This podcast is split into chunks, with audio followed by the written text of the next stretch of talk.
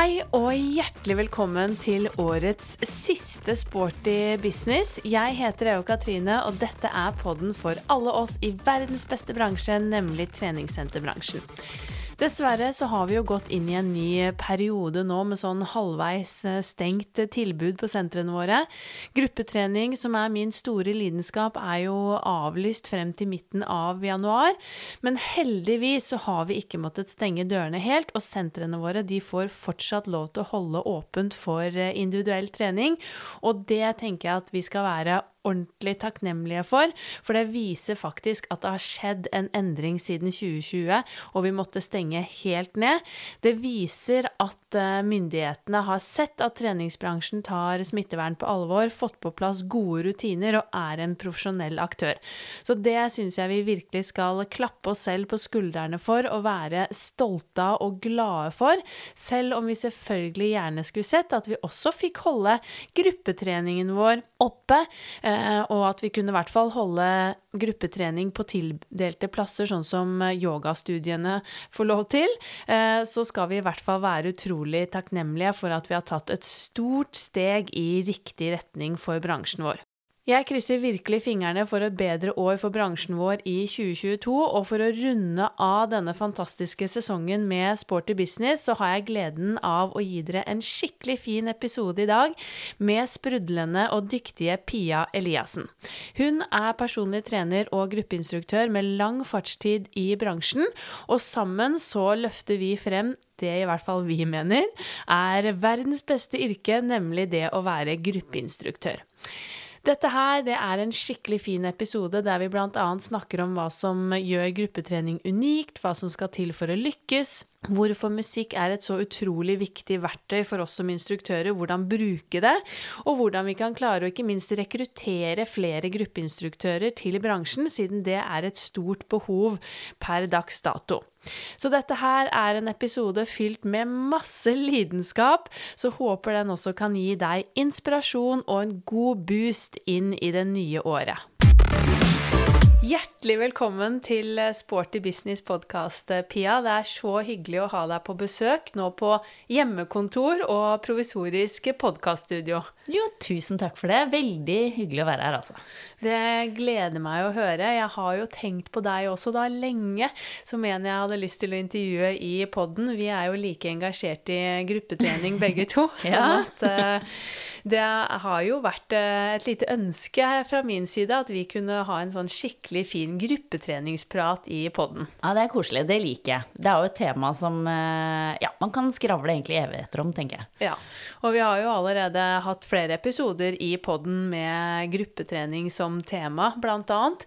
Og vi har snakket om ulike ting og ulike gjester, men det er jo alltid, alltid spennende å få liksom litt nye perspektiver, din historie, hva du tenker skal til for å lykkes med gruppetrening. Vi skal snakke litt om ja, hvordan senteret kan jobbe med gruppetrening.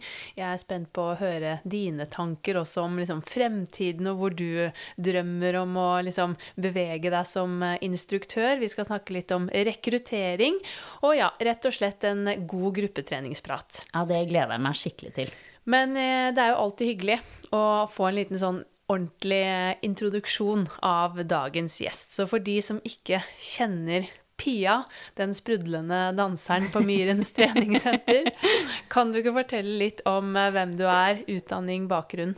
Ja, jo, jeg eh, Som du nevnte, så jobber jeg jo på Myrens treningssenter på Torshov i Oslo. Og der jobber jeg som eh, både personlig trener og gruppeinstruktør. Ehm, så jeg har jo egentlig helt siden jeg var liten holdt på med både mye musikk, spille piano, kor, dansa, eh, musikal. Så det er liksom der jeg har min bakgrunn. Så holdt på mye med det når jeg var eh, yngre. Og så gikk jeg videre på en liten danselinje på videregående. Bestemte meg for å satse på det. Gikk videre på Bordarakademiet. Treårig utdanning der, og jobba en stund frilans etter jeg var utdanna eh, ved den skolen.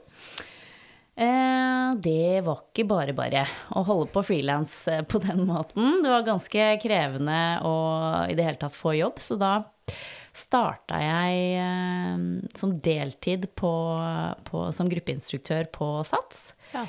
Min vei inn der var egentlig at jeg ble med. Jeg meldte meg inn på SATS. Begynte å ta zumba-timer. Og det som før i tida var Body Combat, som var en slags sånn kampsporttime fra Les Mills. Mm. Og det, det, var altså så magisk gøy. Det gjorde jeg flere ganger i uka. Um, og ved hjelp av de to timene så ble jeg da på en måte, hva skal man si, oppdaget av uh, senterleder der, eller hun som hadde ansvar for gruppetrening. Og så sendte hun meg da på kurs, på gruppetreningskurs. Ja. Um, så det var liksom min vei inn i treningsbransjen. Ble bitt av basillen, rett og mm. slett. Mm. Kjenner til det. Når jeg begynte mm. å trene i Atletica i 2007, faktisk, ja. hvor jeg nå fortsatt jobber, så var jeg jo på da Mine første gruppetimer hadde jo aldri vært på det tidligere. Nei. Og det var jo også da ja, jeg ble liksom revet med fra dag én. Jeg vet ikke hvor mange gruppetimer jeg var på i løpet av uken. Og det var så ekstremt gøy. Og det var jo da jeg tenkte bare Sånn har jeg også lyst til å bli. Ikke sant? Ja, man så liksom opp til de som sto foran der, og bare fy søren at de klarer å liksom få meg til å trøkke til og skape den stemninga. Nei, det var helt magisk. Mm. Men i dag så er du da på Myrens, mm. blant annet. Kan du ikke fortelle litt om hva du gjør der, og hvilke andre jern i ilden du har? Ja, jeg eh, jobber jo fulltid som personlig trener. Så i 2015 så tok jeg en uh, utdannelse ved uh, Akademi for personlig trening. Eh, og siden jobba som PT. Så eh, hovedjobben min er jo som personlig trener. Mm. Og så har jeg da mm, litt ulike gruppetimer i løpet av uka. Mine faste er en dansetime, en egenlagd dansetime som heter Feel the Beat. Eh, og så har jeg noe som heter puls og styrke, som er jo da en todelt time med en kondisjonsdel og en styrkedel.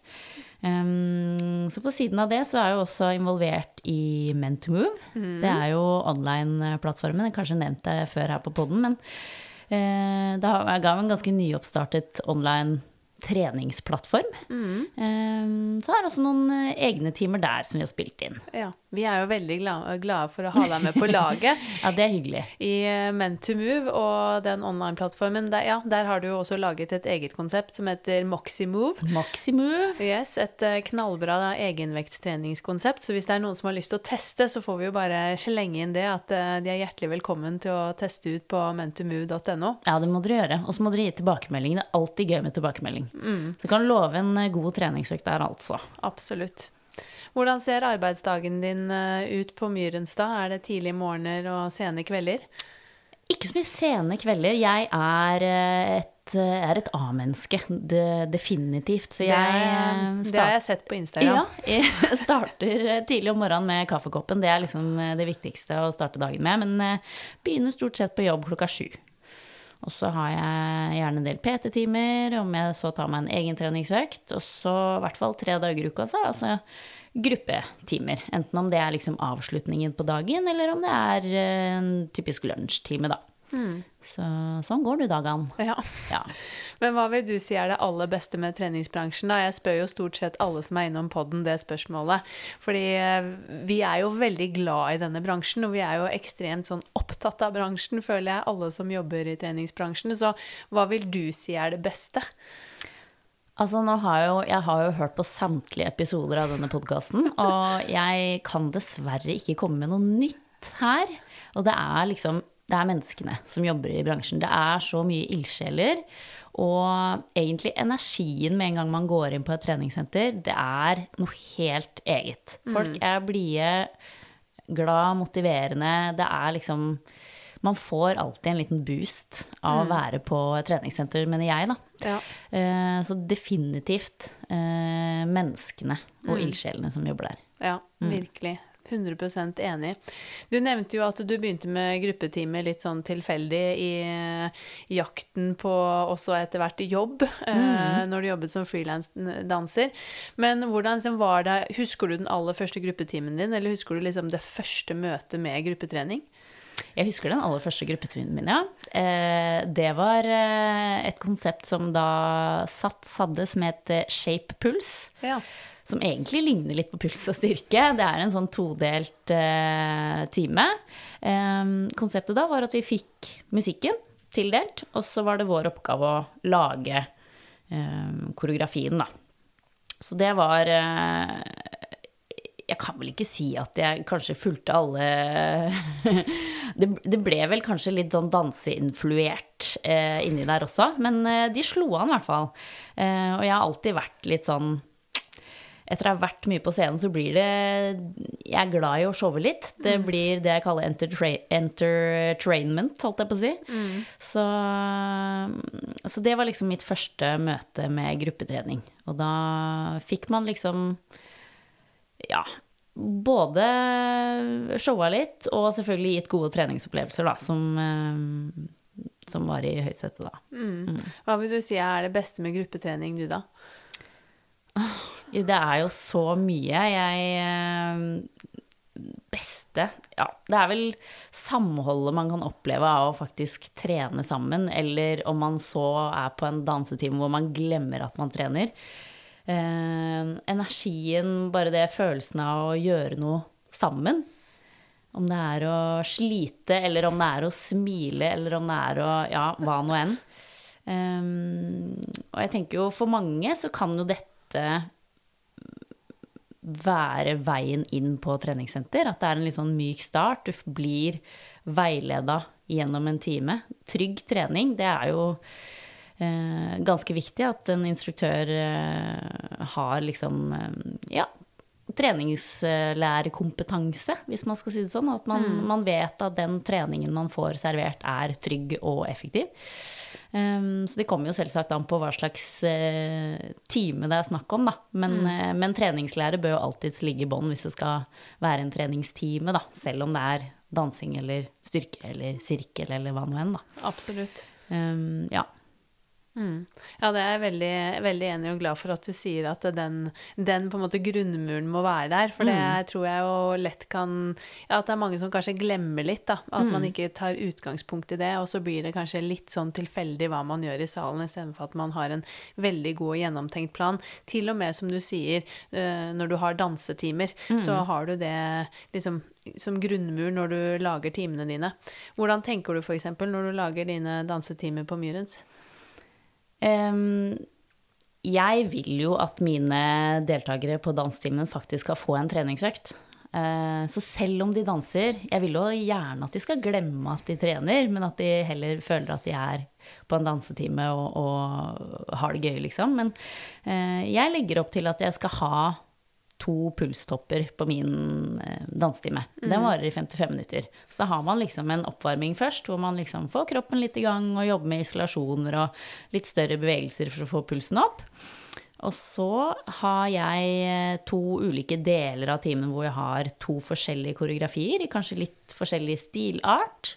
Um, og så jobber man seg liksom opp til en litt lengre koreografi hvor målet er liksom å kunne gi jernet litt sånn at man faktisk får en effekt på på uh, pulsen da, og hjertepumpa. Mm. Absolutt. Når du lager puls og styrke f.eks., har du noe, liksom, noe klar sånn fremgangsmåte? Hvordan er det du pleier å gå frem når du lager eh, egne timer? Hva er liksom det første du begynner med? Hva er liksom stegene i prosessen? Å ja. Um, det første jeg gjør, eller det gjør jeg vel egentlig ganske kontinuerlig. At jeg hører på musikk og legger til musikk i spillelister og tenker sånn ah, den kan jeg bruke til det, eller å, oh, det var skikkelig takeoff på akkurat den. Den putter jeg inn i lista. Altså jeg har, har um, flere lister på Spotify hvor jeg liksom kontinuerlig putter inn musikk. Og når jeg da skal i gang med å lage nye programmer, så vil det jo være da å gå inn i de listene og, og ja, finne den musikken jeg kan se for meg passer. Og da er det jo viktig selvsagt å tenke på hvor fort denne musikken går, og hva slags sjanger. Um, kanskje du velger noen rockelåter, noen mer poppete, eller tekno, eller ja, scooter er jo en gjenganger som folk trives veldig godt med, har jeg erfart. Ja. Så, så, det å finne ulike sjangere som, som kan treffe mange mennesker, da, Mm. det, det syns jeg er viktig. Og her kommer jo det jeg egentlig brenner mest for. Det er jo den at musikken er en gjenganger i Det er liksom drivkraften i gruppetimen, da. Så du kan ha relativt enkle trinn og trenger ikke å være så sjukt fancy, men den musikken, det er jo det som liksom er pulsen i timen. Hjerterytmen, den som driver oss framover. Ja. Som får oss til å pushe mer. Ja, jeg vil jo også si at det er jo virkelig noe av det som skiller gruppetrening fra annen type trening. Du går jo kanskje med liksom musikk på ørene når man trener for deg selv, eller man har det på ørene når man er ute og løper, men du bruker, vi- eller vi bruker musikken på en helt annen måte i gruppetrening, hvor ting faktisk er koreografert, det er tilpasset musikken, vi bruker den i salen for å liksom skape stemning, energi, altså det blir jo noe helt annet, og det er jo det som liksom, i hvert fall for meg, i stor grad gjør den gruppetreningen magisk. Helt klart. Altså, hvor magisk er det ikke når du er på en gruppetime? Du venter på takeoffen, og så treffer du den store eneren, og så bare kjenner du frysningene brer seg, og bare får den derre halleluja, det er så gøy! Altså, det er jo det er det mest magiske som fins. Ja, det er det. Ja, jeg, Du får frysninger når jeg sier det nå. Ja, jeg får frysninger.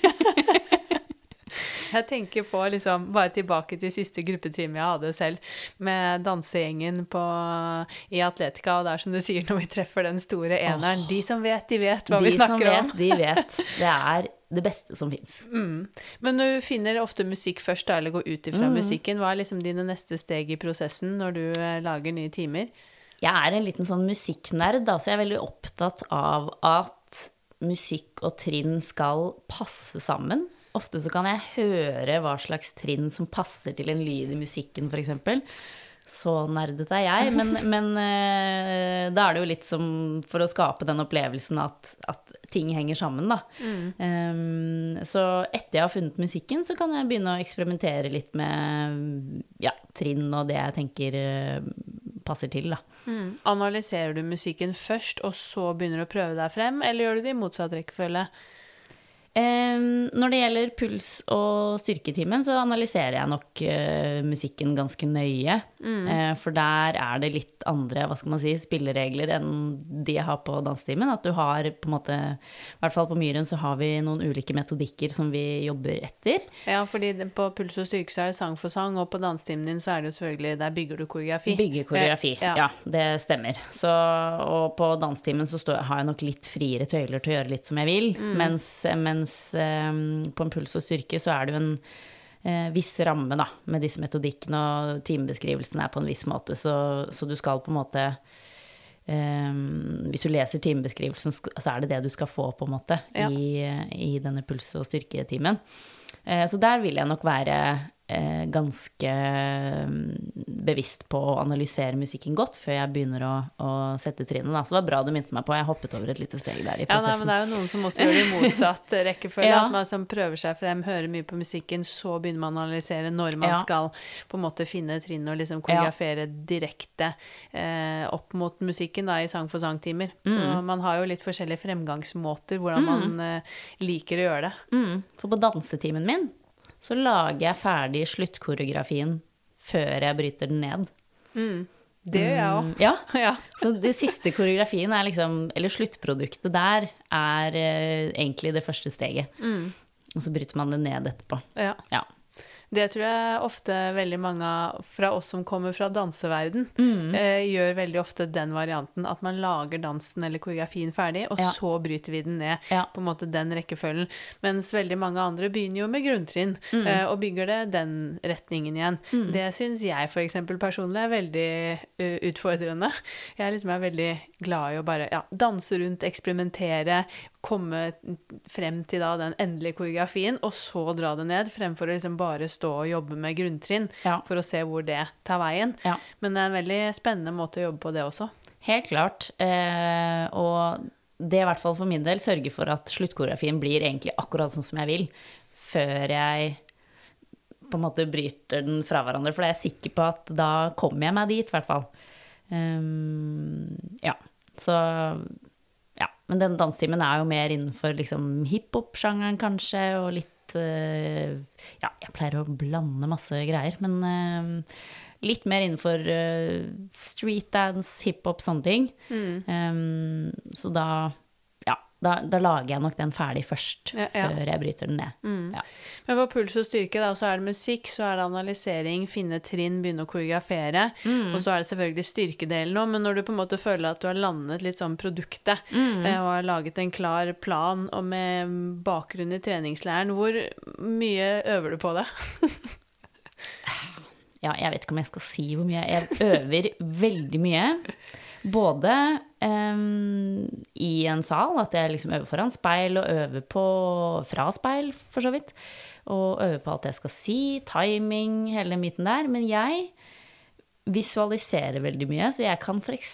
være ute og gå tur. Være på butikken, ha på musikken på øra, og så går den gruppetimen inn i, inn i hodet mitt. Det, men det er selvsagt individuelt. Men jeg må liksom jeg må ha det inn på den måten. Sånn at jeg kan det ut og inn. Ja.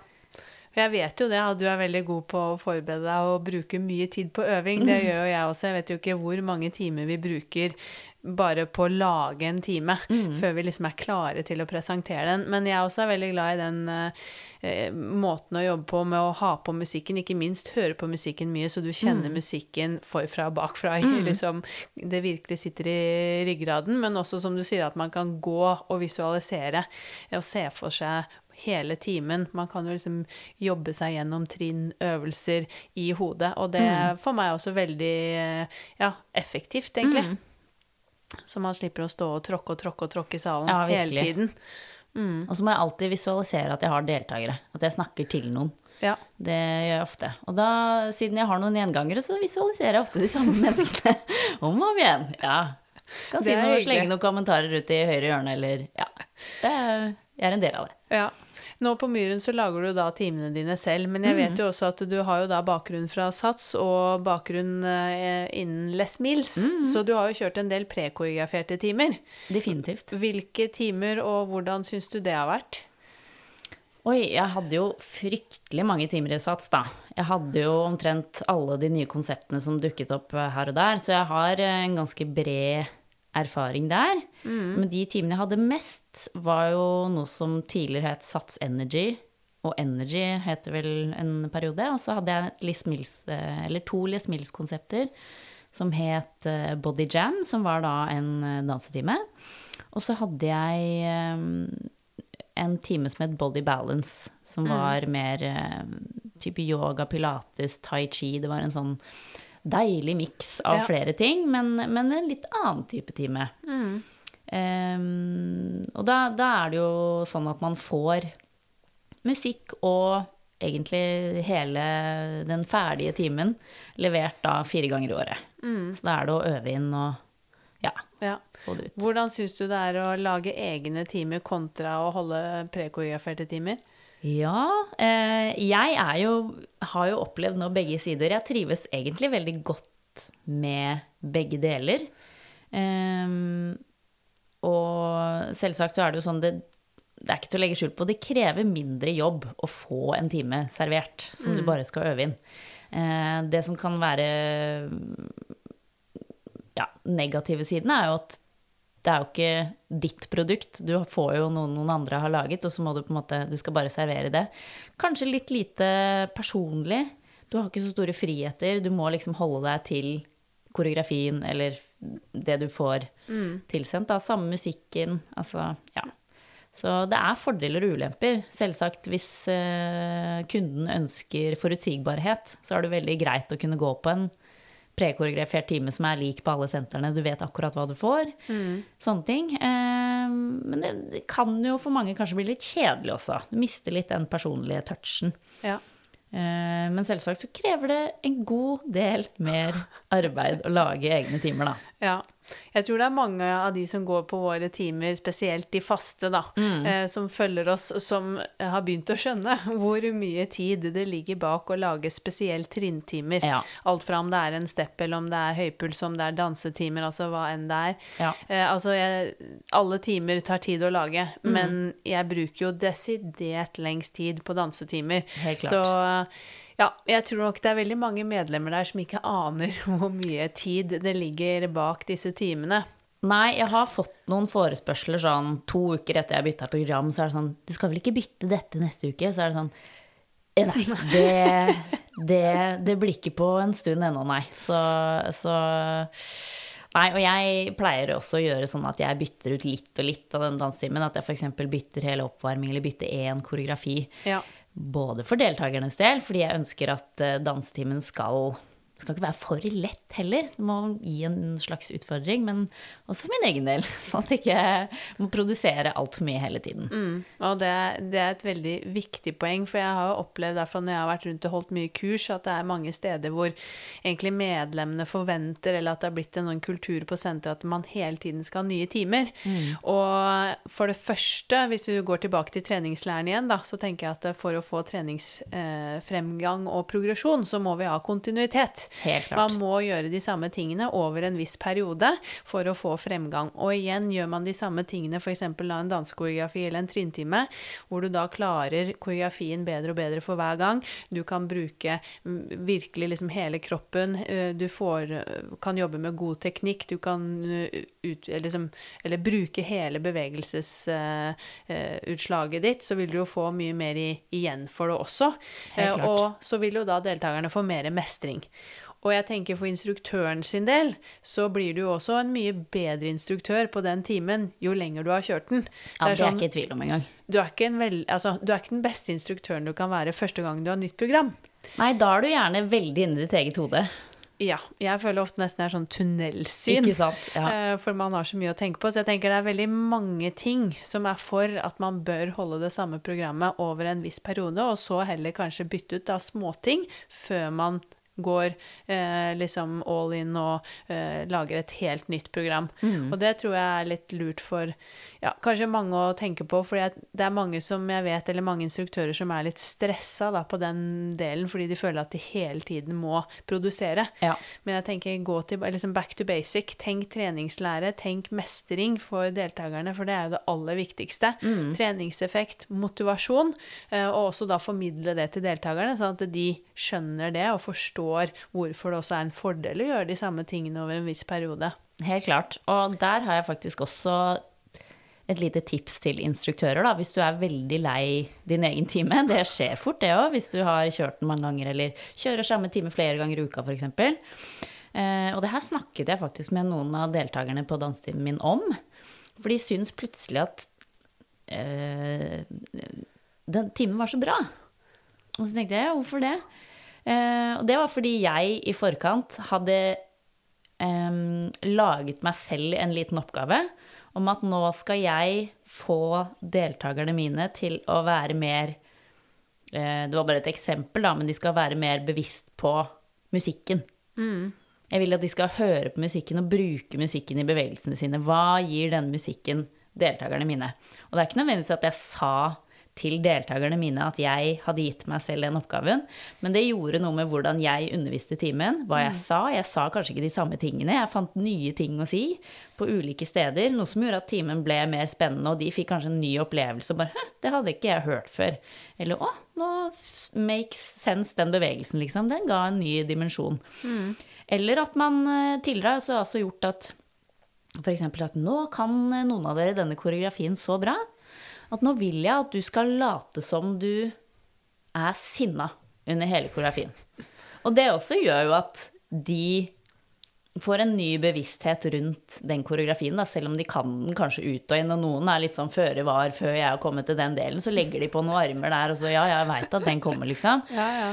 Um, men da får de litt, en litt ny oppgave, da, mm. som gjør at timen kanskje blir litt spennende. Og det kan, det kan man tenke på litt som instruktør, at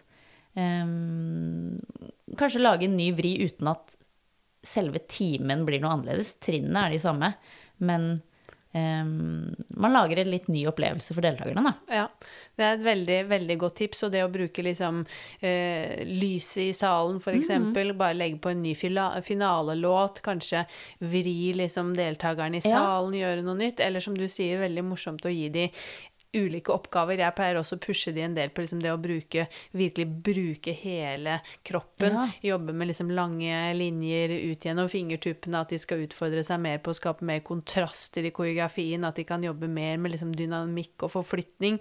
For det også er jo noe man faktisk kan utforske når ting begynner å sitte i kroppen og du kan koreografien.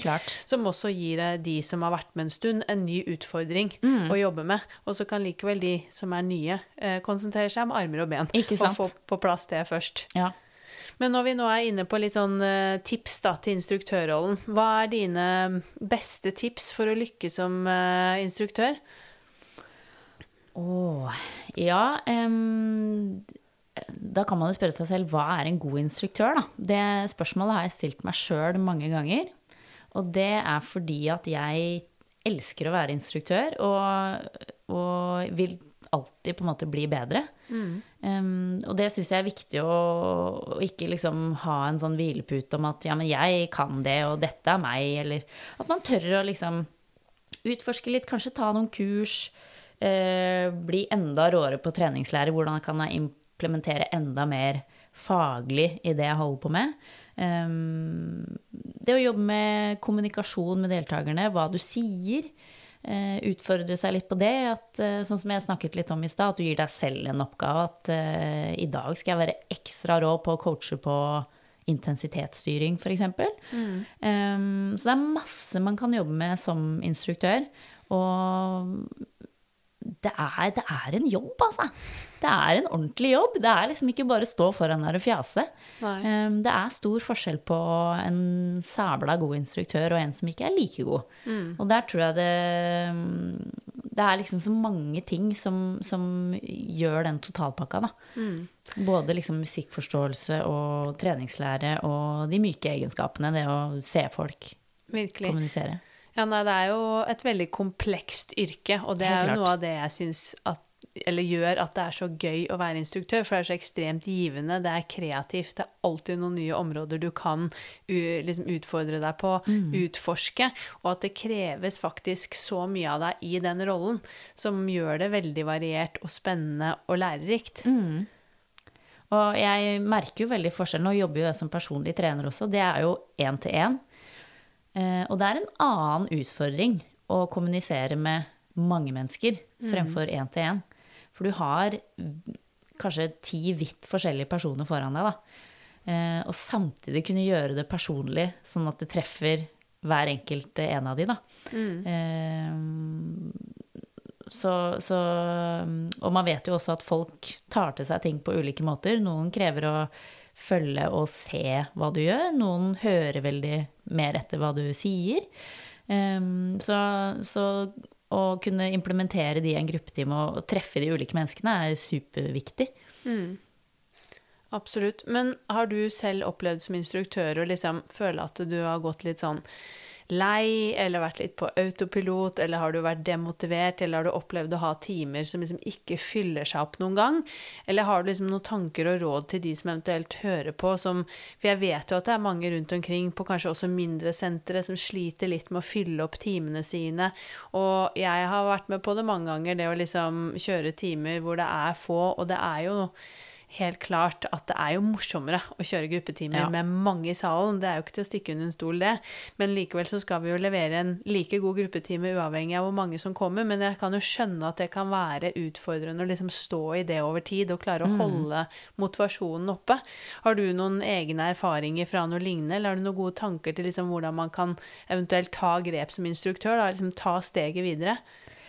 Jeg tror nok um, man kan gå litt i seg sjøl og, og, og fundere over liksom, styrker og svakheter som instruktør. Er det noe jeg mangler, noe jeg kan bli bedre på?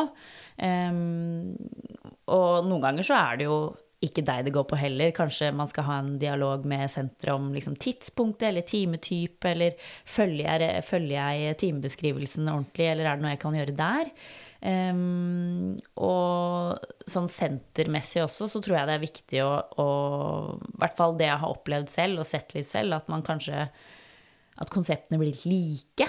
At det er mange like konsepter. Det er vanskelig å skille det ene fra det andre. At kanskje alt blir høyintensitetstrening, og, og alt er burpees, liksom. Mm. det kan veldig fort skje. Og, men jeg tror det er viktig å liksom spisse konseptene litt, og, og um, ja. Mm. Og aldri slutte å utvikle seg. Jeg er jo veldig fan, hvis jeg får det til, da det må jo, Tiden må jo gå opp, men å gå på andre sine timer. Mm. Og se hva andre gjør. Hva er det jeg liker, hva er det jeg ikke har lyst til å gjøre.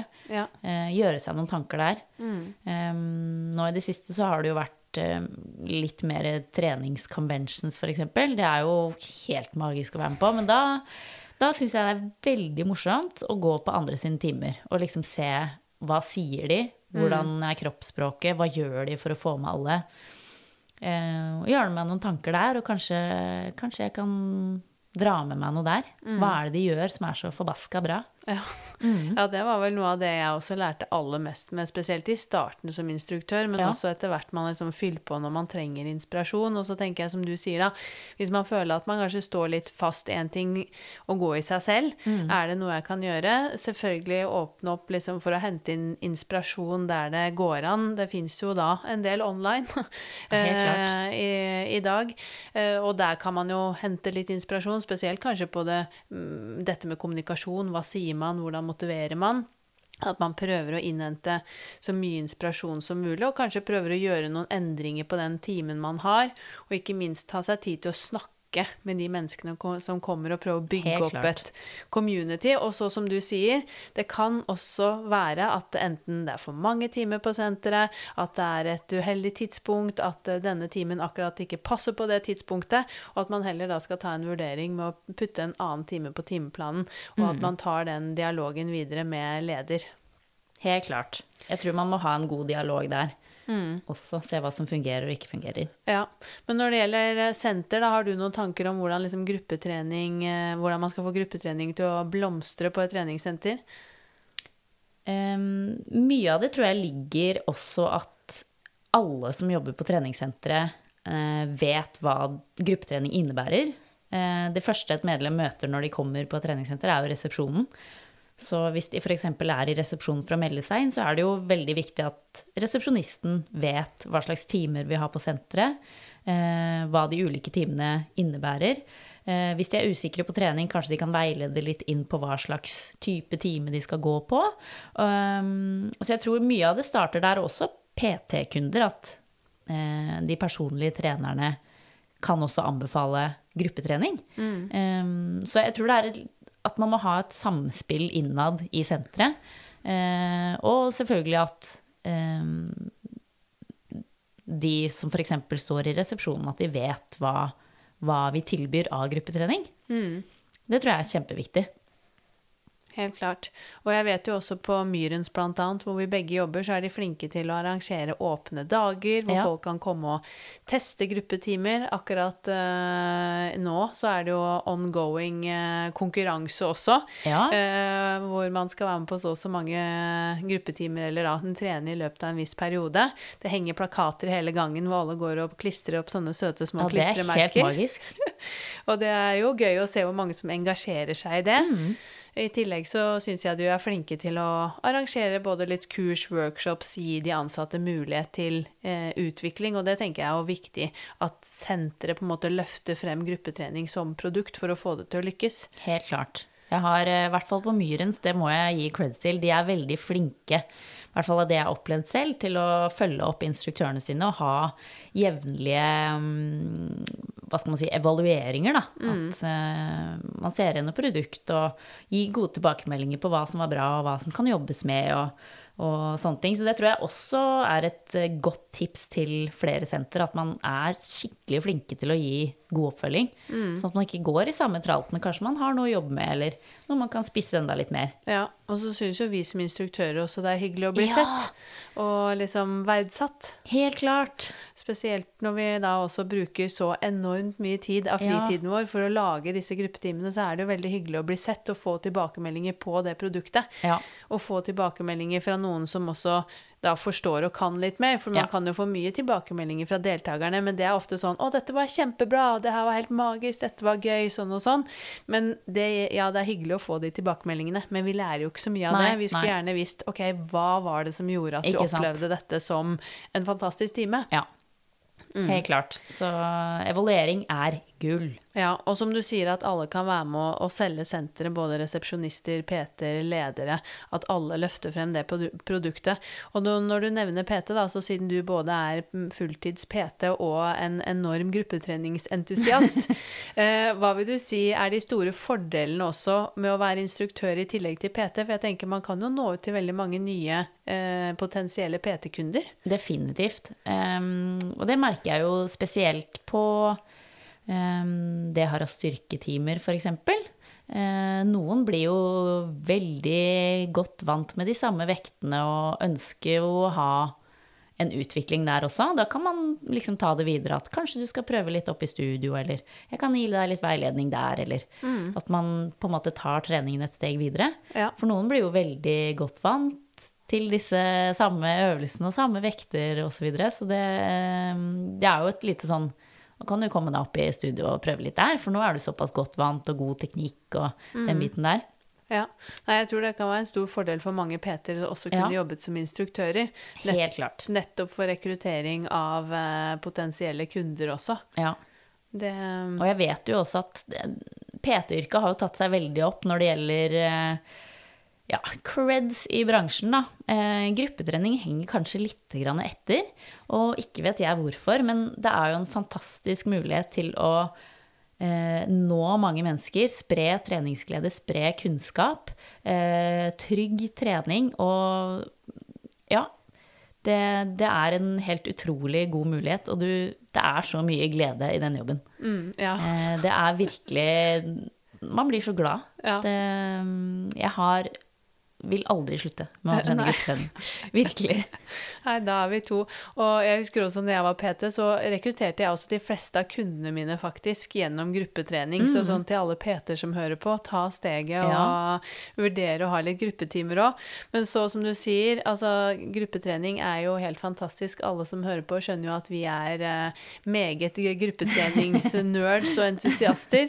Men jeg også har jo et håp at liksom gruppetrening generelt, og spesielt yrke, da, det å være instruktør, kan liksom løftes litt frem i, mm. fremover. For det har jo, som du sier, kanskje blitt litt glemt.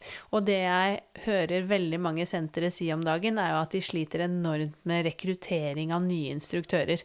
Har du noen tanker om hva man kunne gjort på et senter, eller hva, hva skal vi gjøre i bransjen for å liksom klare å få til det?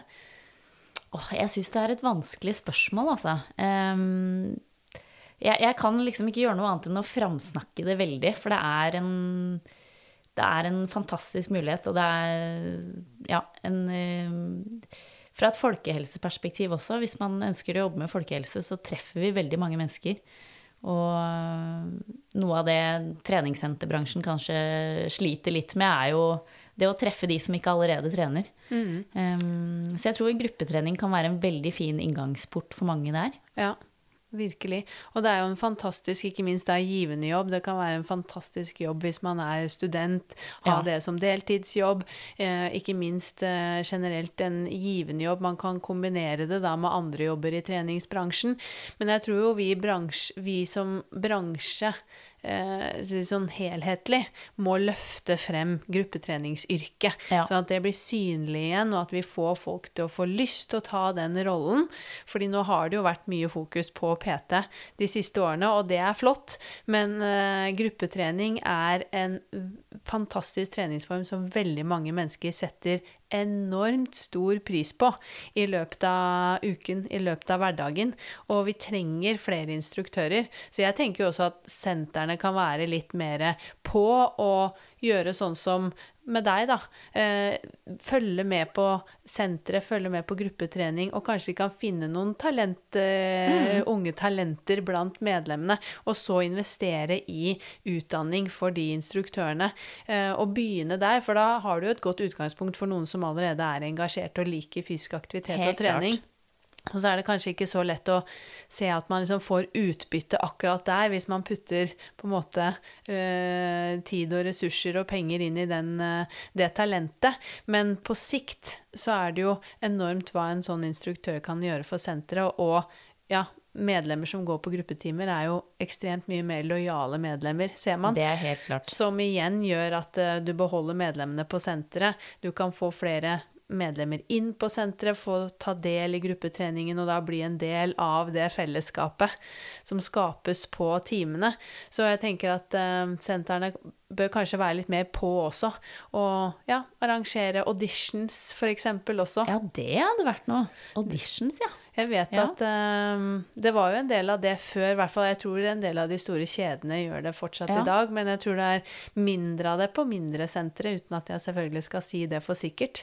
Men det å liksom gjøre det også om til litt mer sånn ja, audition, og at du må måtte søke, og det gjør jo noe med hele yrket, at det kan bli litt mer sånn attraktivt, og som du sier, da, sånn som vi som bare sånn åh, vi ville bli de superstjernene Ja. som sto foran og holdt disse gruppetimene.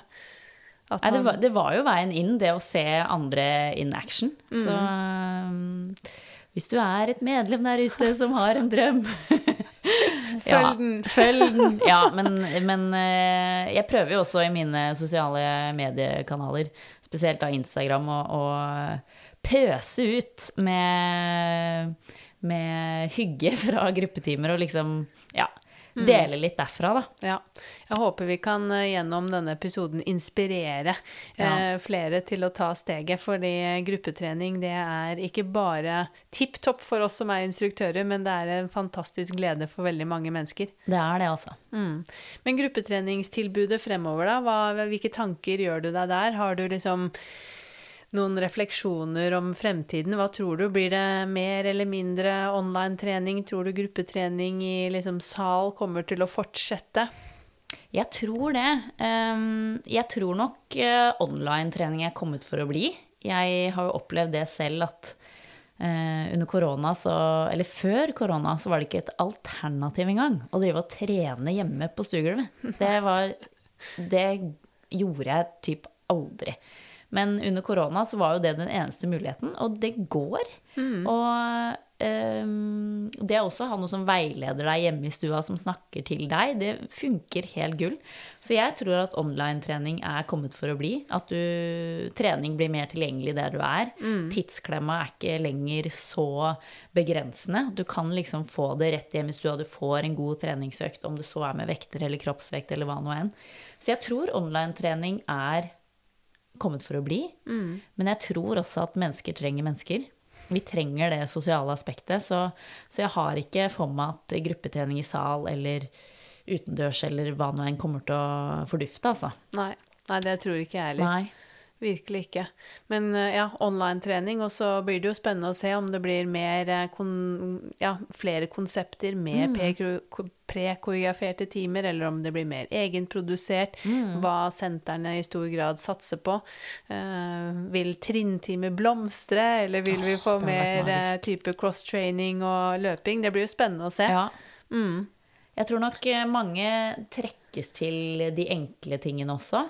Um, Men jeg håper jo at, eh, at vi kan bli enda råere på trinntimer. Man kan jo ta en titt på YouTube eller Instagram og se på hva som skjer ellers i verden, og det er jo helt ville tilstander. Det må jeg jo bare si.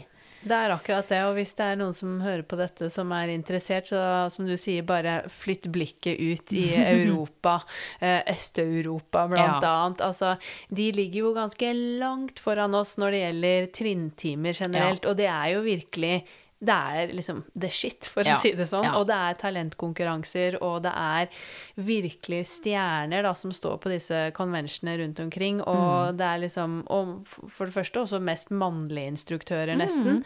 Og det er liksom step, og det er dans, og det er trinn, og der har vi mye å hente. Og Der har vi mye å hente. heldigvis så er det veldig mange jeg har hørt de siste årene som som savner mye trinntimer. Mm. Så det er etterspørsel etter det.